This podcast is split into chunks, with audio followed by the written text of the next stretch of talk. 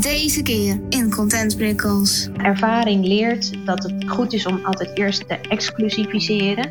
Zodat je de mensen goed kunt leren kennen. Dat je goed weet wat hun behoeften zijn. Dat je dingen uit kunt proberen met elkaar. En dan op die manier door te gaan werken naar bijvoorbeeld tentoonstellingen waar het wel inclusiever is. Mijn naam is Marit. En in deze podcast leg ik uit hoe jij als ondernemer en contentmaker toegankelijke content simpel kunt inzetten. Zodat iedereen begrijpt wat jij de wereld wil vertellen. Dit is Content Prikkels. Hallo Elvira, leuk dat je te gast wilt zijn in mijn podcast. Ja, graag gedaan. Wil je eerst wat vertellen over wie je bent, wat je zo doet? Ja, natuurlijk, geen probleem. Uh, ik ben Alvera van Leeuwen. Ik heb een eigen bedrijf, dat heet Mix. En met dat bedrijf maak ik kunst en cultuur toegankelijk voor mensen met een visuele en of auditieve beperking. En dat doe ik met name voor musea en in de museale wereld. Uh, ik geef workshops, ik geef trainingen, uh, adviezen, help bij projecten om te zorgen dat zij de musea toegankelijker maken. En alles wat daar dan omheen aan gerelateerd is, waar ik me mee bezig kan houden, vind ik ook gewoon superleuk om te doen. Dus ik ben tot er gaat een bezig bijtje. Ja, en vandaag heb ik je vooral ook gevraagd over audioscriptie. Nou, audiodescriptie is eigenlijk de ondertiteling die dove mensen gebruiken bij film, maar dan voor mensen met een visuele beperking. Bij audiodescriptie vertel je wat er te zien is. Uh, op de momenten dat er niet gesproken wordt of dat er geen belangrijke geluiden zijn voor het verhaal, zodat mensen duidelijk in beeld krijgen van hé, hey, waar gaat dit verhaal nou eigenlijk over? Waar gaat deze video over? En wat is er te zien op de momenten dat ik niks hoor? Zodat ze niks van de video missen en ook de boodschap goed meekrijgen. Ja, en het is uh, ook al langer bij films en uh, televisieseries. Ja, en klopt. jullie doen het echt vooral voor online video's. Ja, klopt inderdaad. Uh, het is eigenlijk uh, nou, al langere tijd de, de Earcatch-app is ontwikkeld, waarbij je bij films uh, en televisieprogramma's audiodescriptie krijgt. En wat wij doen is puur en alleen voor online video's. zodat zowel in de sociale media als op websites, maar ook bijvoorbeeld bij presentaties als mensen video's laten zien, dat ze dat ook op een toegankelijke manier kunnen doen. En we doen dat op een laagdrempelige manier. We maken geen gebruik van stemacteurs of mensen die de audiodescriptie helemaal in moeten spreken. Maar we maken juist gebruik van de synthetische stem. Zodat het heel erg makkelijk is om het toe te voegen aan je video en ook aanpassingen te doen als je besluit dat het toch op een andere manier zou moeten. Dus je kunt gewoon als je denkt van, oh wacht, dit moet aangepast worden, weer even herschrijven. Ja, klopt. Um, het, is, het is eigenlijk sowieso altijd puzzelen als je audiodescriptie maakt bij een uh, online video. Je bent natuurlijk afhankelijk van hetgeen het aangeleverd is. De video is vaak al klaar. Er is van tevoren niet over nagedacht dat er nog audiodescriptie bij zou moeten komen. Dus je hebt soms maar heel erg beperkte ruimte om uh, audiodescriptie toe te voegen. En dan moet je keuzes maken in wat je dan wel of niet gaat uh, vermelden. En dan kan het best zijn dat als wij bijvoorbeeld een video voor een klant toegankelijk hebben gemaakt, dat die dan zegt van, oh nou, ik zou toch graag willen dat het op een net iets andere manier is. En dan kan je dus heel eenvoudig uh, de blokjes waarin de audiodescriptie geschreven staat aanpassen en heb je binnen no time weer een nieuw bestandje. Ja, dus jullie maken nu vooral uh, die audiodescriptie voor de klanten. Maar volgens mij geven jullie ook workshops en trainingen zodat ze het zelf kunnen doen. Ja, het idee toen de, we met de software aan de slag gingen, was dat mensen het op een laagdrempelige manier zelf konden doen. Um, dat, er zijn ook al klanten die dat doen. We hebben een aantal klanten die zelf de audiodescriptie en de ondertiteling maken en het tekstalternatief. Maar het overgrote deel van de klanten zijn nu inderdaad mensen uh, die zeggen van uh, bedrijven en organisaties. We hebben video's, uh, we hebben eigenlijk de mensen er niet voor, dus willen jullie het komen doen? Um, maar soms zijn er ook afdelingen die zeggen van ja, we willen het eigenlijk toch wel graag zelf kunnen. En dan geven we inderdaad trainingen. En dat kan uh, in huis zijn op een bedrijf. Of we bieden ze gewoon een paar keer per jaar aan, zodat mensen individuele zich in kunnen schrijven om deel te nemen. Hoe ben jij voor het eerst in aanraking gekomen met audiodescriptie? Nou, dat gaat al best wel weer een, een tijdje terug eigenlijk. ik denk dat het een jaar of 2017 was of zo. Uh, toen werd er bij Bartimedius werd er een workshop gegeven door Suzanne van Nevero over het maken van audiodescriptie bij korte video's. dat was bij het Bartimeus Fonds. Zij hadden Scribbit TV toen ontwikkeld, waarbij je dan online video's van YouTube toegankelijk kon maken met audiodescriptie. En dat uh, vond ik eigenlijk wel heel erg interessant, omdat dat heel erg uh, aansloot bij wat ik deed met het toegankelijk maken van kunst, waar je ook beeldbeschrijvingen geeft. En ik heb die tweedaagse training toen gevolgd en ben eigenlijk op die manier ook in het uh, video toegankelijk maken terechtgekomen met, met Scribbit TV. En met plezier eigenlijk altijd gedaan. En toen uiteindelijk in 2000 19 werd ik benaderd uh, door Evelien van Jong Vera. Ik ben uh, bezig met uh, Scribbit TV, omdat ik wil dat eigenlijk uitbreiden naar dat bedrijven het ook kunnen gebruiken. Want het was een platform, je kon de video's alleen op een platform bekijken. Maar het zou natuurlijk veel mooier zijn als je dat ook op je website zou kunnen doen. En toen zijn we samen aan de slag gegaan om te kijken van hoe kunnen we dat dan op een andere manier aanpakken. Zodat je je video's ook toegankelijk kan maken en ze dan gewoon terug kan plaatsen op je website voor mensen. Ja, en hoe is dat toen verder gegaan?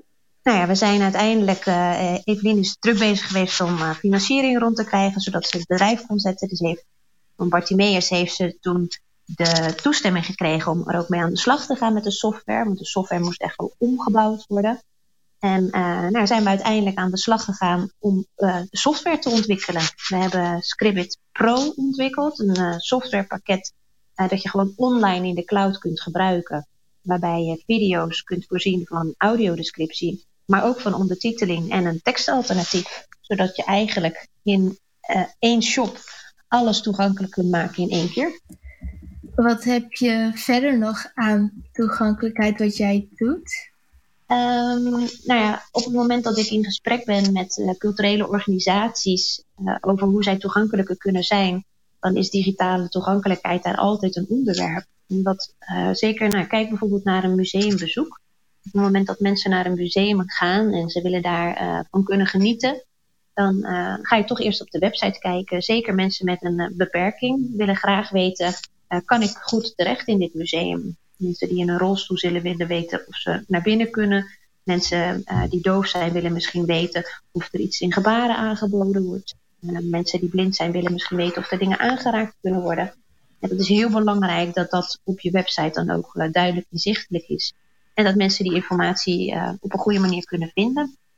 Ik raad dan uh, bijvoorbeeld altijd aan om een pagina toegankelijkheid te maken. eentje die makkelijk te vinden is, liefst gewoon hup, gelijk in het hoofdmenu. Waarin je al die informatie voor elke beperking, voor elke aanpassing, voor alle extra's die je doet, eigenlijk op één pagina plaatst. Dat als het mensen op zoek gaan naar die informatie, dat ze hem in één keer makkelijk kunnen terugvinden. En dan is het natuurlijk belangrijk om goed de koppenstructuur te gebruiken, die je ook uh, als koppen hebt benoemd in de backend. Um, dat er goede hyperlinks in zitten die leesbaar zijn op het moment dat je ergens naar door moet klikken.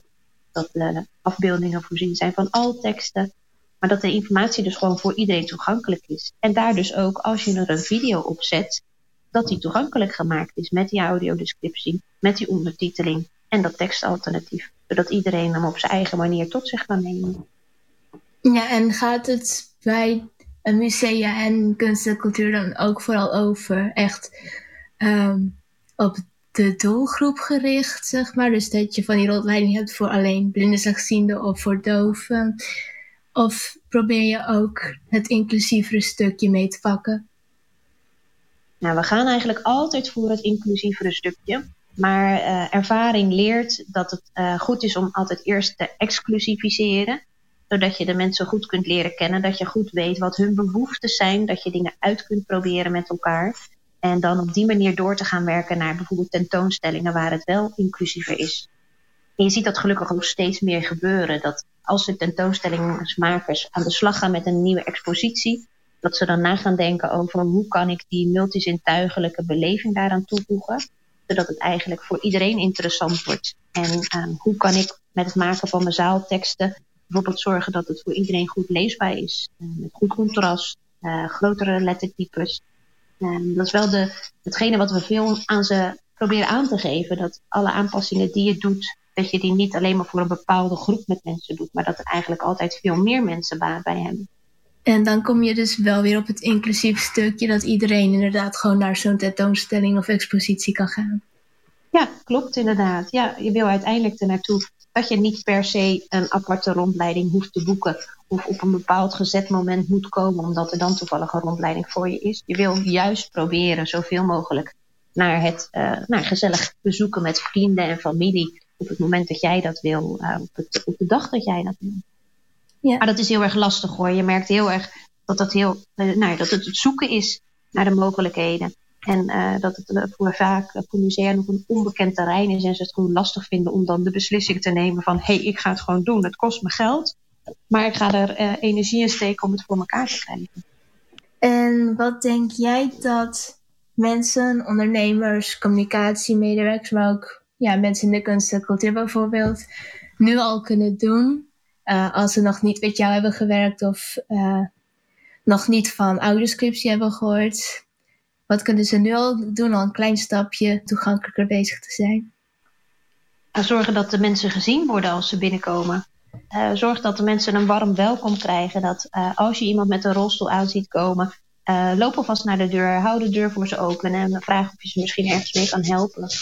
Bied je hulp aan aan mensen op het moment dat je ziet uh, dat ze die wellicht nodig hebben. En vraag gewoon waar ze behoefte aan hebben. En dat is vaak ook het stukje, ja, gewoon even met elkaar in gesprek gaan en vragen waarmee je kunt helpen, inderdaad. Ja, inderdaad. En, en neem vooral niet de beslissing voor een ander. Dat als je iemand met de begeleiderstof ziet aankomen, dat je er maar van uitgaat dat die helemaal niks meer kan zien. En dat je ze dan gaat helpen terwijl ze die hulp misschien helemaal niet nodig hebben. Communiceer met de mensen uh, wat zij nodig hebben en waar je ze eventueel bij zou kunnen helpen.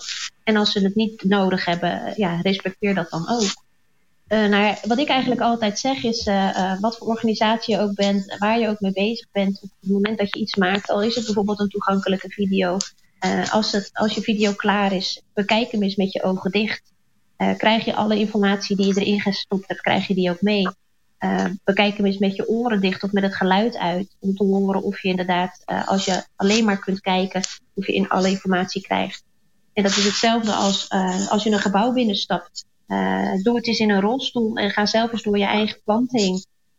ervaar eens wat, wat, je, wat je meekrijgt als je in je rolstoel zit. Waar kun je wel bij, waar kun je niet bij.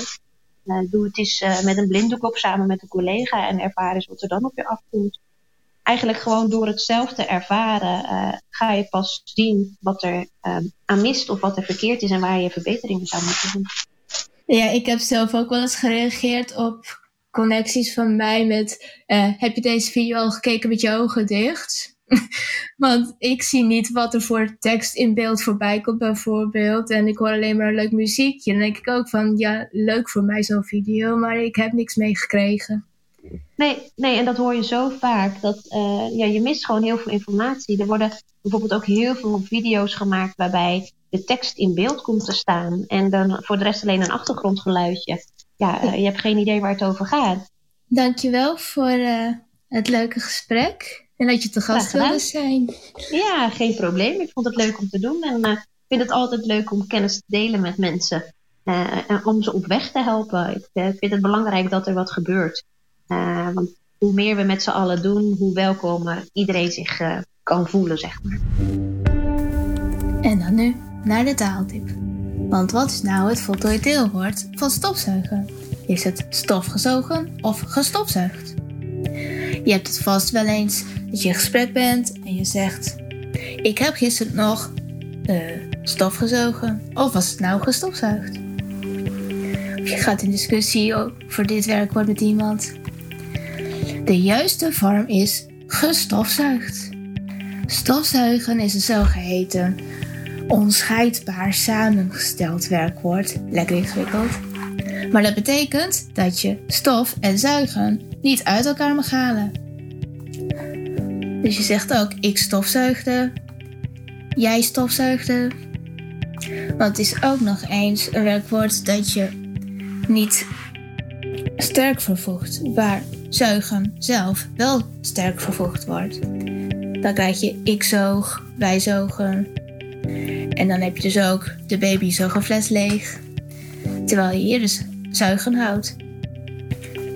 Uh, vergelijkbare werkwoorden zijn zweefvliegen, ik heb gezweefvliegd, of beeldhouden, ik heb gebeeldhouwd.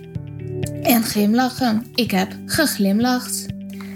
Dus al dit soort onscheidbare samengestelde werkwoorden hou je gewoon alle woorden die erin zitten bij elkaar. Dus dit is gestofzuigd.